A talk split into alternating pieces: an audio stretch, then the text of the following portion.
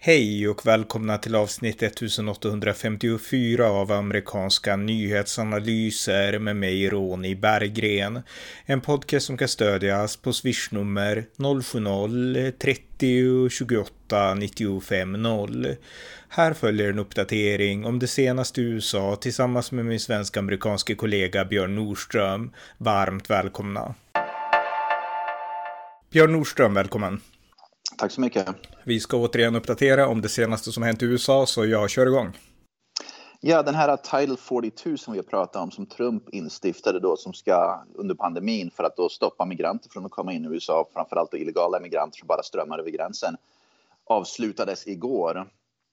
Och uh, i tisdags, dagen innan det avslutades, ryktet gick väl att det var fel, det var väl fel dag de fick reda på i Latinamerika, jag tror, men i alla fall 10 000 migranter vid Brownsville, Texas försökte storma gränsen in i USA med över 10 000, men de mm. lyckades bomma igen gränsen. Jag menar, det är, är en stormning och tittar man på videos och bilder och sånt där, alltså, det, det är liksom det är migranter, står i bara långa köer och bara väntar på att vad ska man säga, storma gränsen. Tack och lov såg jag att så Bidens tanke var ju då att han ska bara släppa in dem. Första tanken var att han ska bara släppa in dem och sen får de bara Normalt när man kommer in som illegal immigrant då har man ett, ett domstolsdatum när man ska gå till domstolen för att få sitt ärende, då, asylärende prövat. Men hans idé var ju då att man ska bara släppa ut dem i samhället hur som helst. Men en, en, en federal domare i Texas för ett par dagar sedan, och igår tror jag till och med, alldeles, alldeles några timmar innan det här Title 42 skulle avslutas, beslutade att man inte bara får släppa ut dem utan varje migrant som, som till, vad ska man säga, fångas då, eller, eller arresteras då av gränspolisen måste ha ett domstolsdatum innan de får släppas lös. Så att Biden nu måste ha liksom den policyn då att man måste ha domstolsdatum. Eh, om den sen verkställs eller inte, det vet jag inte. För vi pratar ju alltså om 10 000 migranter på en dag. Vi pratar ju om hundratusentals migranter i månaden förmodligen som kommer att komma till gränsen. Mm. Och det är omöjligt att liksom organisera allt det där in i ett system. Ja. Mayorkas då som leder Homeland Security, han har skickat 24 000 extra gränsvakter. Men alltså det här är ändå konsekvensen av att man avskaffade Donald Trumps policy, både muren, Title 42 och yeah. massa annat. Och Donald Trump gjorde, han släppte en video igår med anledning av yeah. det här, där han sa att nu håller USA på att bli ett tredje världen-land och det här är konsekvensen yeah. av Bidens misslyckade politik. Och jag menar, han har ju helt rätt, Trump. Ja, och jag såg att till och med här i Arizona, både då Katie Hobbs som är den eh, demokratiska guvernören här då och eh, Kirsten Sinema som då är, nu är hon, hon var före detta demokratisk senator, nu är hon oberoende senator, hon hoppade av demokratiska partiet förmodligen strategiskt för att kunna vinna nästa senatsval. Men i alla fall, hon, båda de har gått ut och är jätteoroade så att de har nu börjat, de, nu måste Arizona, där jag bor, komma upp med sina egna policies och för att kunna då förebygga att det ska liksom bli en stormning in till Arizona så vidare. Jag såg att Biden hade, har eh, skickat ner 1500 militär, soldater, militären, men de ska bara ha en passiv roll, inte en aktiv roll någonstans. Men eh, vi får se de närmsta dagarna nu. Det, det, här kan gå helt rakt åt skogen. Jag såg att Yuma, Yuma, YM, YUMA, Yuma, som ligger alldeles vid gränsen i södra Arizona, de har redan nu, eh, redan innan uh, Title 42 avslutades igår, så gjorde de en State of Emergency Declaration. Med andra ord, de sa att vi kommer att bli överkörda. Vi kommer inte kunna hantera det. Vi kommer att bli totalt överkörda. Mm. Ja, det är illa, men, men det är ändå bra att även sådana som Katie Hobbs som är demokrat, att även de reagerar. För jag menar, förhoppningsvis så kan demokraterna vid gränsen väcka demokraterna i Washington DC till liv över den här frågan, liksom hur akut det är.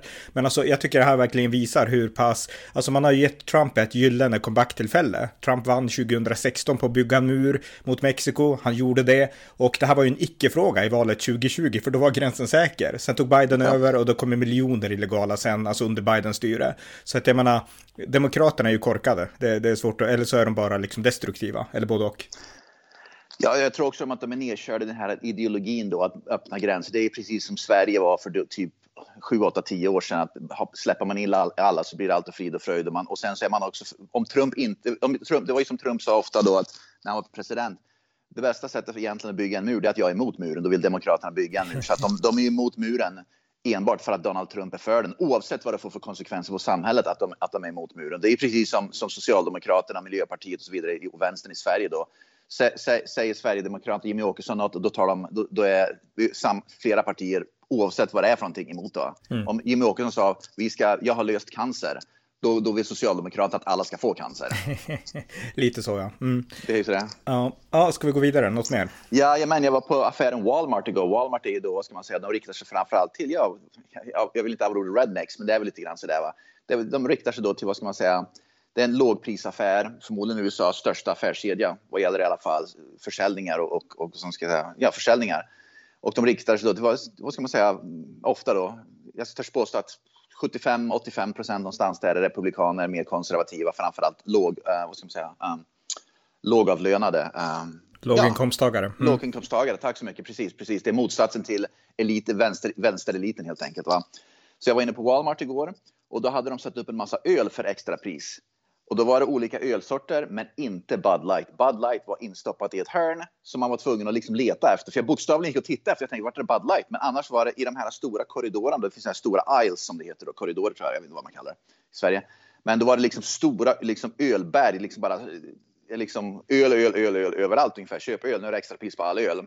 Och då var det alla möjliga olika märken, men inte Bud Light. Och det visar rakt ut vad Walmart vet hur de kommer att sälja. Och de kommer inte att sälja Bud Light. Därför att 90 procent av öldrickarna som går in till Walmart är totalt emot Bud Light nu. Ja, på grund av den här transgender-reklamen som de körde med. Mm. Jajamän. Ja, något mer? Ja, eh, på tal om den här gränsen förresten, jag nämnde, eh, glömde nämna, men i alla fall Joe Biden erkände att de senaste par åren så har det varit total kaos vid gränsen. Han råkade, han råkade väl då förmodligen, det var väl inte meningen att han skulle säga det, men han hade väl en presskonferens och han råkade liksom ord slank ur hans trut. Som det ofta gör. När, när han inte har någonting han läser utan till så blir det väldigt fel väldigt snabbt. I alla fall han erkände att det, att det har varit gränskaos de senaste par åren. Va? Men här är ju problemet då att om han visste om det, om han erkänner det, varför gör man ingenting åt det? Det är det som är så oroväckande en statsminister i Sverige och en president i USA, den första och viktigaste uppgiften de har det är att skydda landet på, från inrikes och utrikes hot. Va? Som Biden nu visste om att, han, att det liksom var kaos vid gränsen, då har han ju sin, egentligen sin huvud, sitt huvuduppdrag som han har att skydda, liksom, skydda nationens säkerhet, har han ju totalt liksom failed. Och det jag inte begriper det är att, att demokrater och vänsterliberaler ställer upp på det där. Begriper de inte att, att det är liksom den absolut största, viktigaste grejen som en president har, det är att skydda medborgarna och nationen från hot. Begriper han inte det eller bara skiter han i det? Och de ställer upp och ändå röstar på honom och stödjer det där. Mm. Ja, jag tänkte också säga att Elon Musk då som äger Twitter, han kommer att lämna sin post som CEO, alltså som vd för Twitter. Och vem som kommer att efterträda honom vet jag inte. Han äger väl Twitter fortfarande då, men, men någon annan kommer att leda det. Men det som är intressant är att han har ju nu påbörjat, alltså Twitter och han då har påbörjat ett samarbete med Tucker Carlson som fick ja. sparken från Fox News och som nu kommer att starta en egen show speciellt i samarbete med Twitter. Och det kommer att bli otroligt intressant och han kommer ju få alltså miljontals följare där, Tucker Carlson, så att han är han är allt annat än körd. Vi, för första gången, så Fox News som vi har pratat om, det är ju den största kabelkanalen. För första gången i världshistorien nu så kommer vi att se att en tv, en show, att en, en talkshow kommer att ha fler tittare på, i social media än i kabel-tv. Och det mm. kommer att bli Tucker Carlson. Han kommer att ha fler tittare på, sin, på Twitter än, än Fox News kommer att ha. Fox News kommer att tappa på det här. Det kommer att jag tror att Fox News kommer ångra sig extremt, extremt mycket. Att de gjorde en rejäl tavla. Oavsett mm. varför de sparkar honom så när det gäller inkomster, intäkter och antalet tittare de kommer inse att de har totalt bränt sig själva nu. Mm. Och jag menar, bara man följer liksom bloggvärlden och alltså nu bloggar man väl inte så mycket längre, men oavsett om det är vlogg, blogg eller podcast, alltså nu handlar det ju inte längre om att följa stora, det handlar inte om att följa en tidning, utan det handlar om att följa personer, alltså du följer ja. en person du gillar. Ja. Du bryr dig inte så, så mycket om vilket mediebolag den jobbar åt eller vilken ja. liksom byrå, utan det är personen som liksom publiken, konsumenterna är intresserade av. Och eh, då behövs inte de här stora liksom mediebolagen. Och det det jag tror att så här stora företag som Fox till exempel, men även SVT, de har inte riktigt hajat det än. Ja, precis. De, de tror fortfarande, de insyltar den gamla tanken och det, det får man tänka på idrott här i USA. Både collegeidrott och proffsidrott, men framförallt collegeidrott. I, I flera decennier spelare då från, som, från gymnasiet här i USA som går till college för att spela sport, de går inte till ett universitet för att spela sport för ett universitet. De går för att en, en specifik tränare som tränar universitetet. Om mm. tränaren sen byter lag och går till ett annat universitet, då går andra spelare dit också. Med andra ord, man följer en person, inte en institution. Och det är det som, som citattecken gammelmedia inte begriper.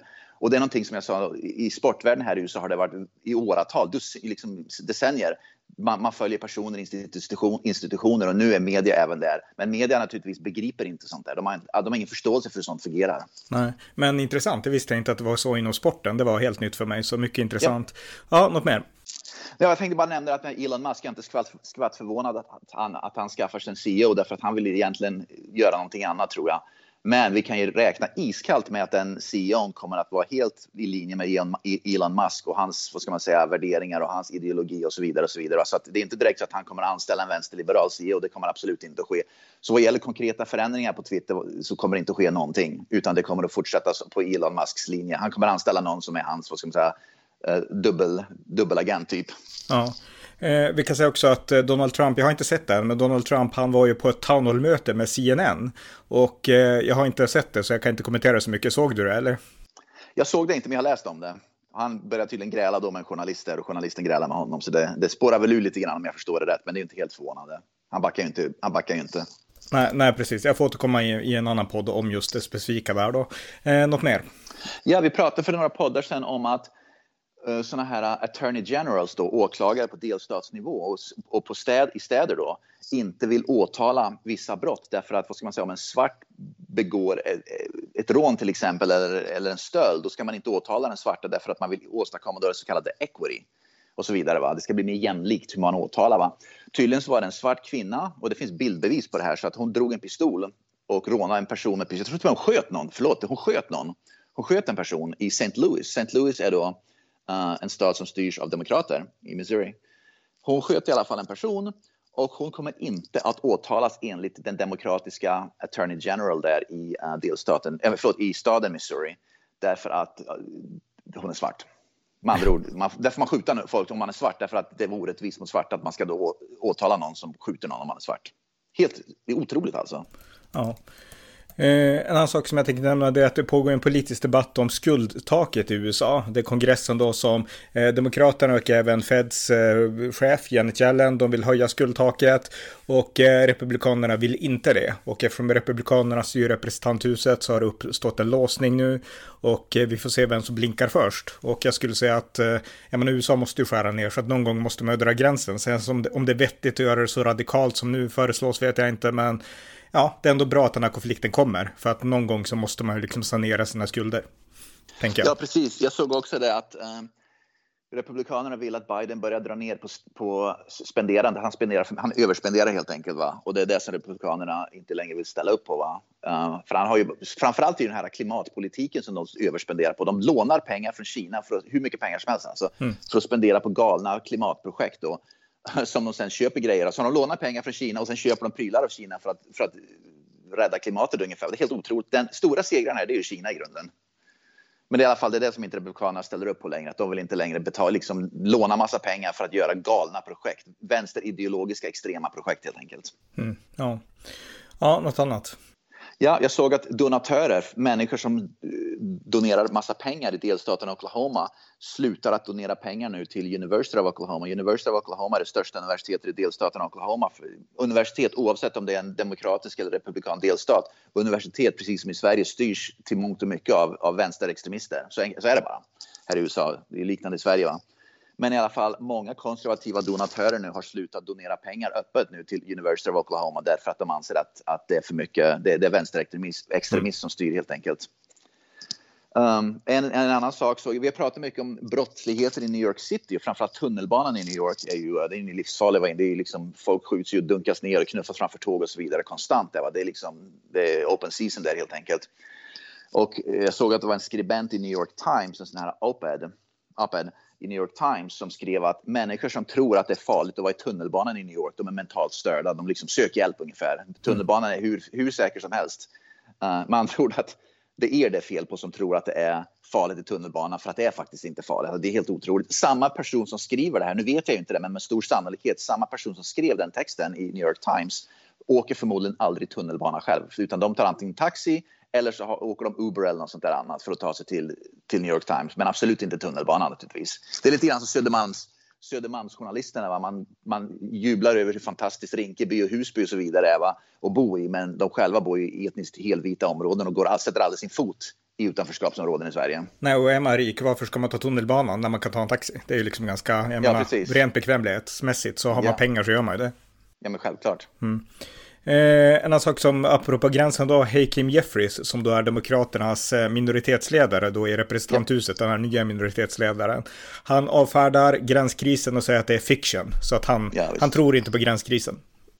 Jag tror i grunden att de faktiskt tror på det, men jag tror att de är så insyltade i sin ideologi att de inte vill erkänna att de faktiskt haft fel, utan man, man, man, man, man gräver ett djupare hål och man gräver och gräver och gräver tills hålet blir bara djupare och djupare va? utan att överhuvudtaget bry sig. Därför att det viktiga är att man, att man, inte, att man inte erkänner att man har fel. Och det är det som är ett av många problem med politiker och journalister idag. Mm. Vägran att erkänna att man faktiskt har fel och sen erkänna att okej, okay, jag hade fel, nu har jag lärt mig någonting och nu kan jag liksom ta nya beslut på ett annat sätt därför att jag har fått ett nytt perspektiv och framför allt jag har lärt mig av verkligheten hur den fungerar. Men det vägrar man och det är det vänstern är världsmästare på, att vägra, vägra erkänna att verkligheten och vägra erkänna att man har fel.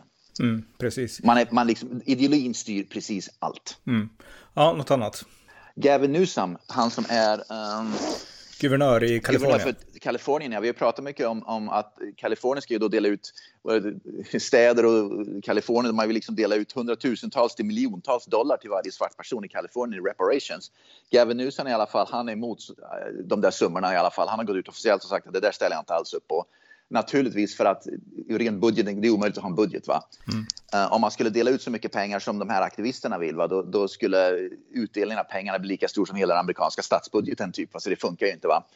Och Gavin Newsom han brottas ju med ett st större problem nu än det där därför att var det 300 000 skattebetalare med familjer och lämnade ju då Kalifornien under 2022. De flydde till andra delstater, bland annat Arizona. Då.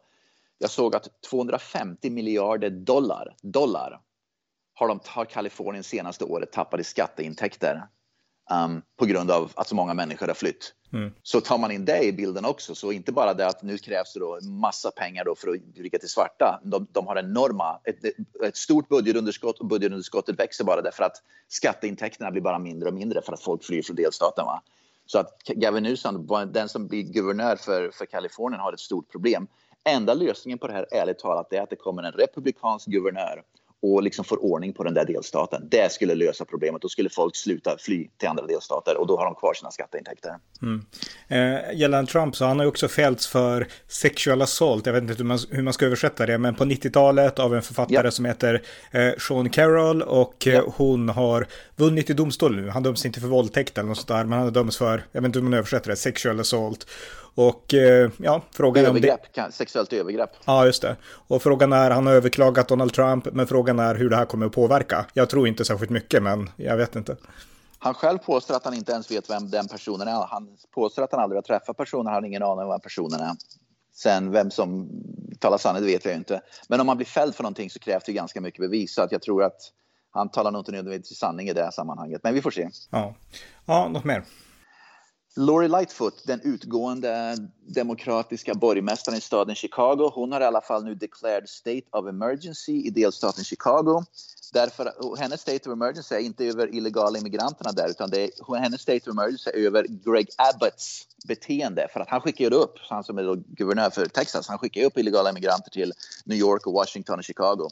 Så hennes state of emergency är, är illegala immigranterna från Texas som kommer specifikt. Så att mm. hon gjorde en state of emergency men hon vågade inte erkänna vad egentligen problemet är utan de skyllde på att det är Greg Abbott från Texas. Det är hans fel att det är state of emergency. Ganska ja. roligt. Och problemen som Chicago har det är inte Greg Abbotts fel utan det är Chicagos egna fel. Alltså alla skjutningar och alla problem de har med våld och brottslighet. Ja. Det, det, det, skulle egentligen varit en state of emergency där för många, många, många år sedan. Och du kommer mm. ihåg när Donald Trump pratade ju faktiskt mycket om om just Chicago, att de skjuter mm. varandra kors och tvärs och ingen bryr sig om att Han ville skicka in militären till Chicago och Portland och styra upp det hela och alla liksom gick i taket och sa att du är galen. Precis, liksom. mm. det är det som är den verkliga state of emergency där, mm. men som vi alltid som, som vi konstaterar och som är helt sant, det är att oavsett om det är demokrater, vänsterliberaler eller Black Lives Matter, de bryr sig inte ett skit om att svarta skjuter svarta dygnet runt i Chicago, i svarta getton. Det struntar de fullständigt i. Mm, nej, precis.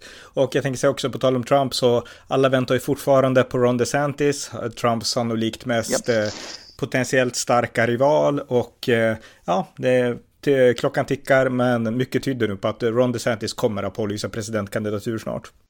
Ja, och när det väl händer så tror jag att det kommer att bli, då drar valkampanjen igång på riktigt. Mm, precis. Något mer? Ja, det här är väl inte USA egentligen, men det är bra. OS i alla fall. är det Paris? I Paris OS går 2024 om jag inte har fel. I alla fall. Friidrottsförbundet har nu beslutat att, eller om det var OS, har beslutat att inom friidrotten får inte transpersoner delta i OS.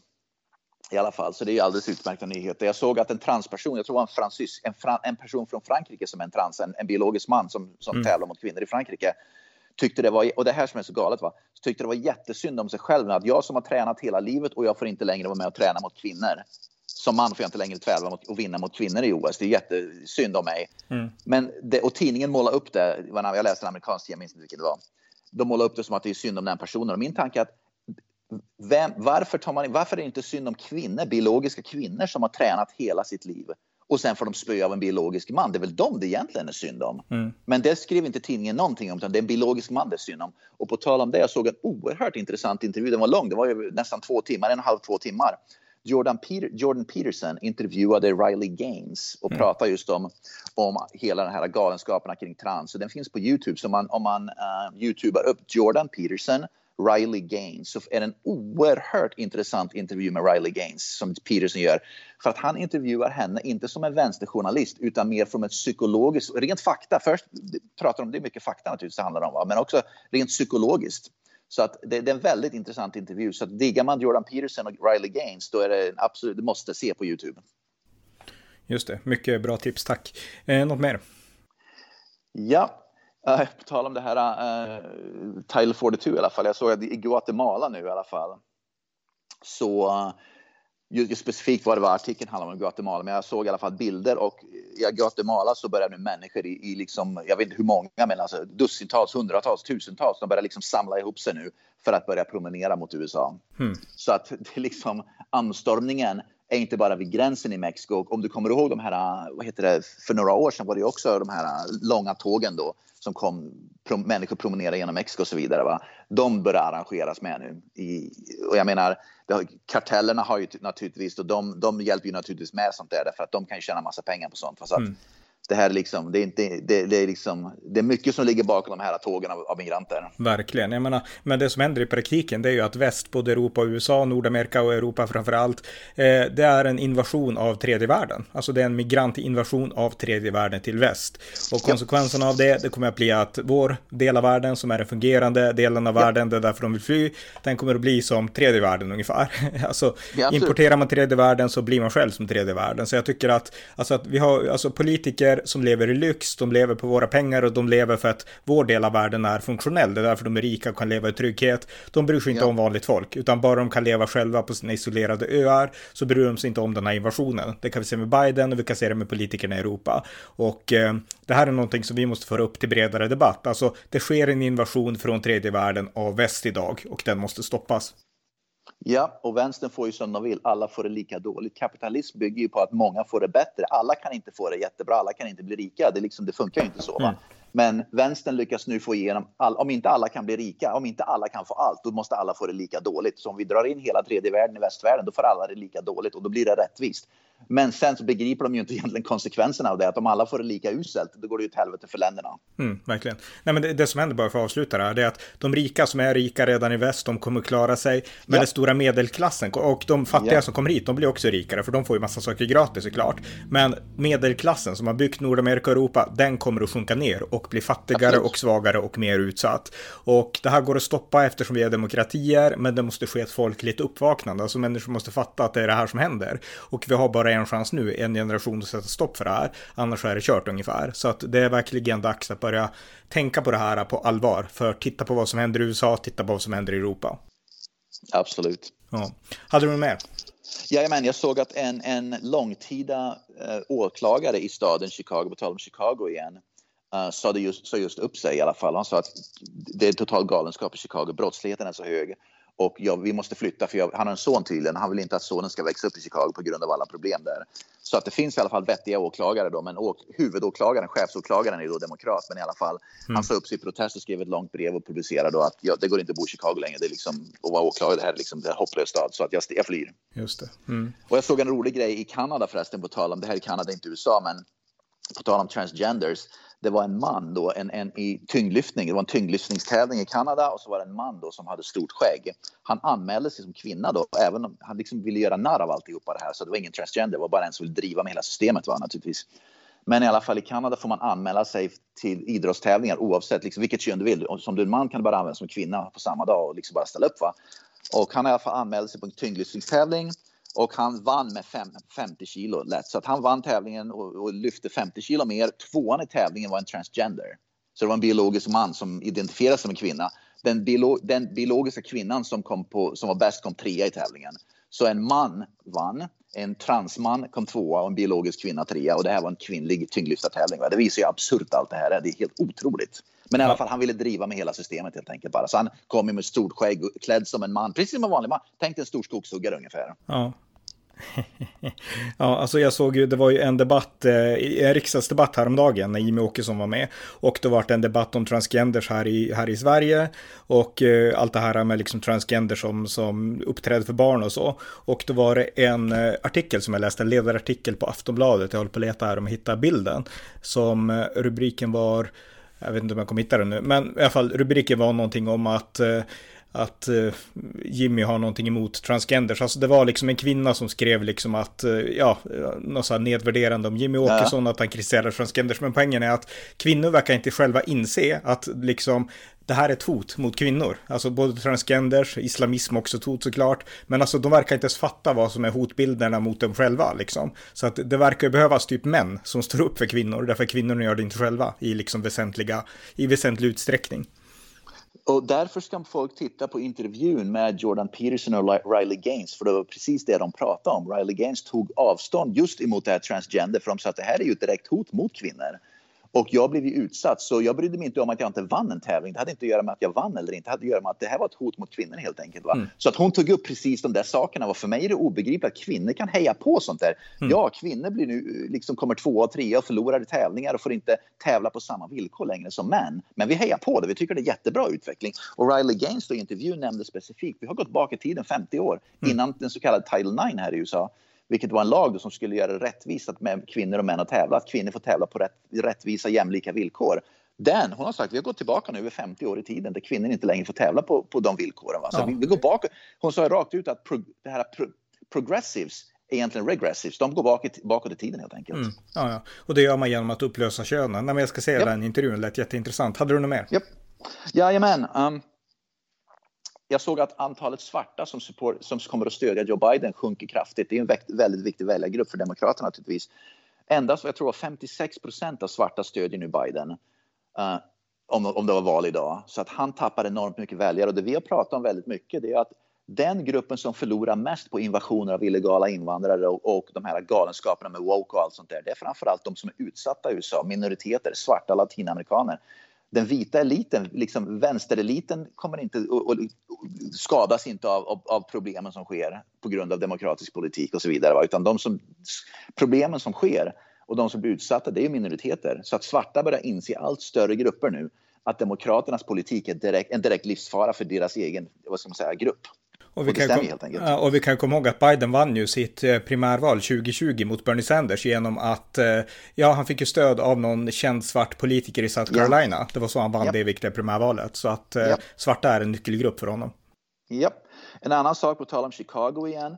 Jag läste en, en rapport som kom ut alldeles för några dagar sedan om Chicagos skolor 55 gymnasieskolor i Chicago. Jag menar, Chicago är ju 8 miljoner invånare. Då, så att, men 55 skolor, inte en enda elev, noll elever på alla de 55 skolorna tillsammans har kunskaper som matchar deras årskurs. Med andra ord, att om du går i, om du går i, i, i, liksom i första året gymnasiet då har du inte kunskaper som att du går i första året i gymnasiet. Va? Med andra ord, man går ut helt kunskaps, med, med, med kunskapsluckor som är helt enkelt enorma. Att, att man, liksom är, man är under sin, sin årskurs vad gäller kunskaper. Va?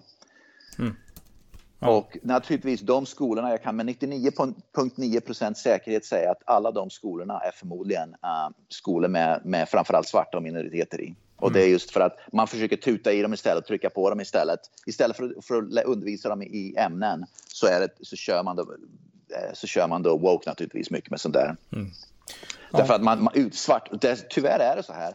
grupper som är lättast att utnyttja för att köra över med woke i skolor, det är tyvärr svarta skolor och skolor med, med minoriteter, därför att ofta då har de kanske inte föräldrar som är lika, de, har, de, de saknar ofta papper tyvärr. Uh, deras föräldrar jobbar väldigt långa liksom, timmar så de har inte tid att sätta sig in i vad som egentligen sker i skolorna. Va? Så att vänstereliten, den vita vänstern, utnyttjar skolor med minoriteter i för att trycka ner woke. Mm.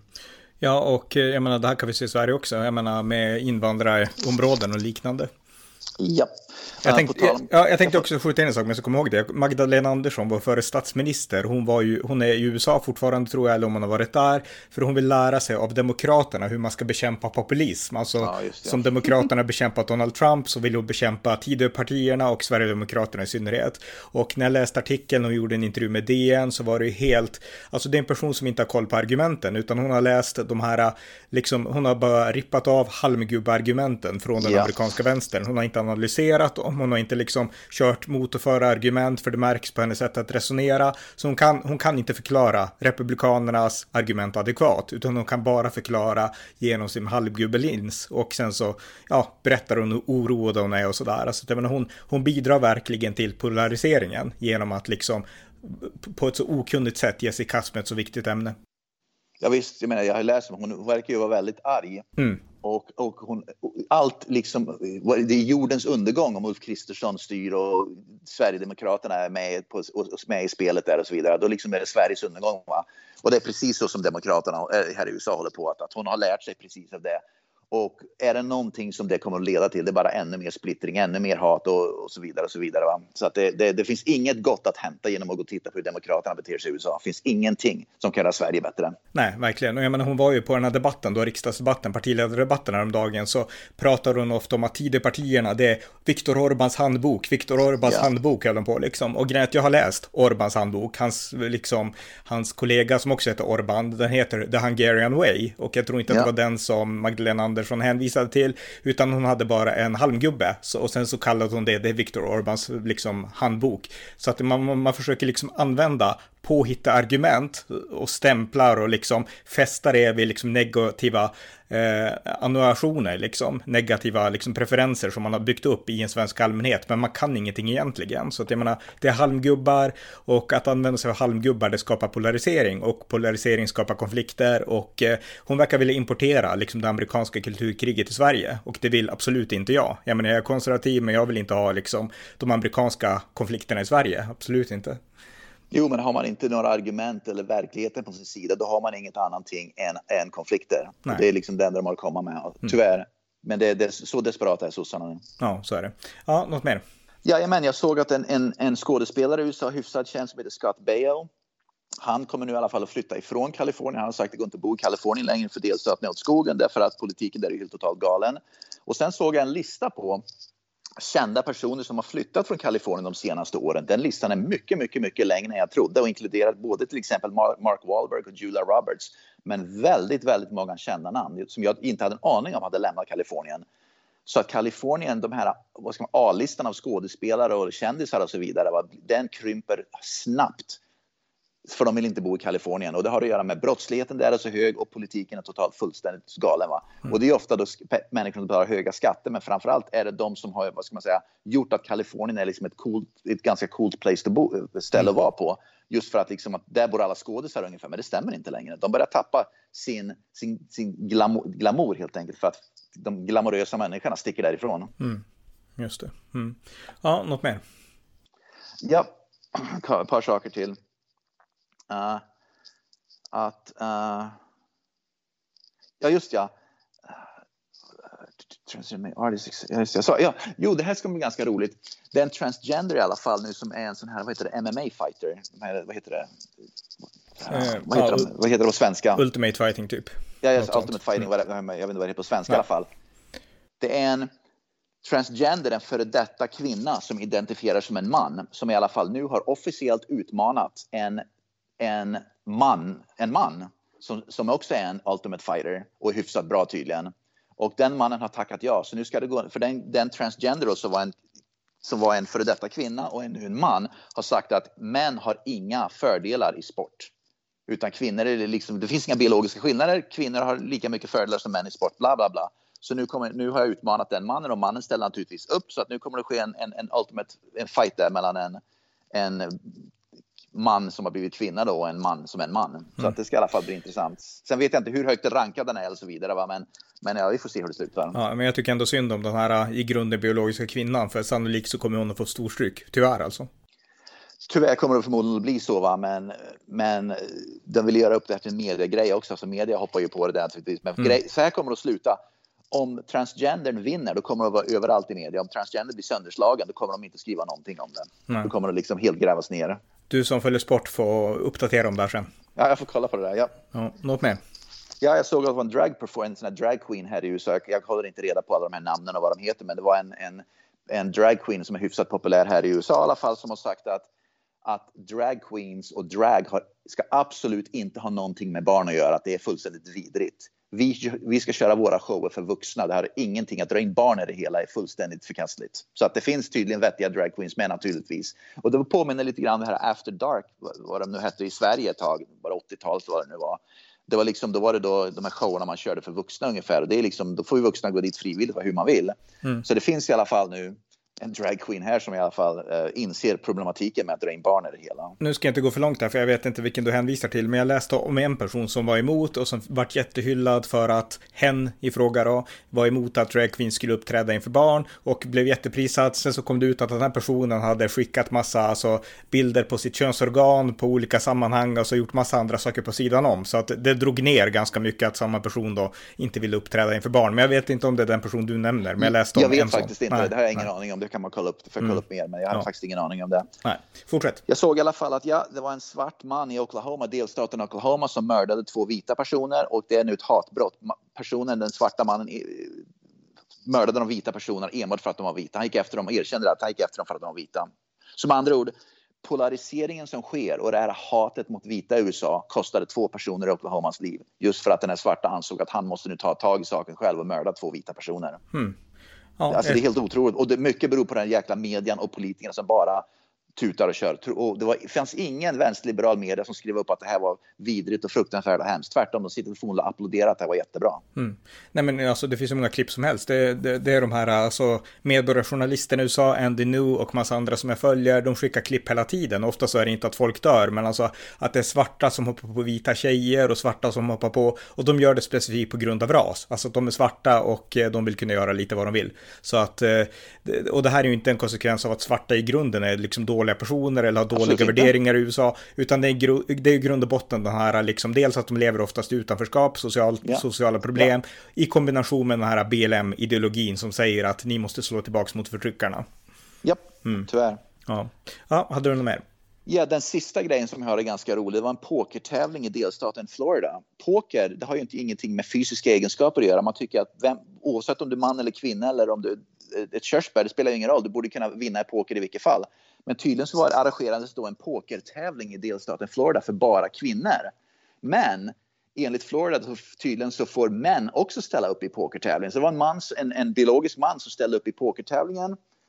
Och han var den enda mannen då, han vann pokertävlingen. Och tydligen så blev det väldigt kontroversiellt att en man vann en pokertävling mot kvinnor. Och jag har svårt att förstå hur det där funkar om en biologisk man vinner en simtävling eller cykel eller någonting, eller tyngdlyftning, det förstår jag för att det är fysiska egenskaper som då man har en fördel med som män. Mm. Men att en man vinner en pokertävling, det har ju ingenting med fysiska egenskaper att göra. Så hur vänsterliberal, vänsterliberal media, hur vänsterliberal media kan anse att det är kontroversiellt att börja hetsa mot honom, det förstår nummer ett. Han ställde ju upp då som, som en kvinna då, fast han är man. Mm. Um, de borde ju hylla sånt där. Men nummer två, jag förstår liksom inte, säger då media då att kvinnor är dumma i huvudet så de kan inte spela poker? Eller vad är det de försöker säga egentligen?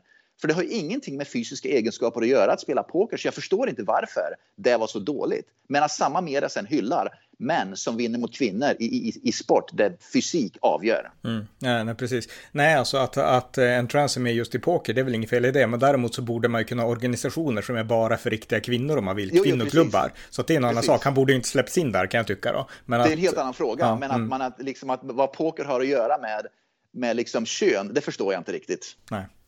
Nej, precis. Ja, men okej, men tack så mycket ja. Björn. Tack så mycket.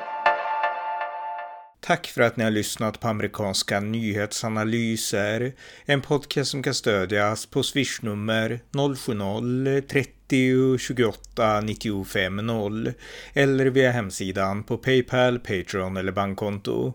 Skänk också gärna en donation till valfri Ukraina-hjälp. Vi hörs snart igen. Allt gott tills dess.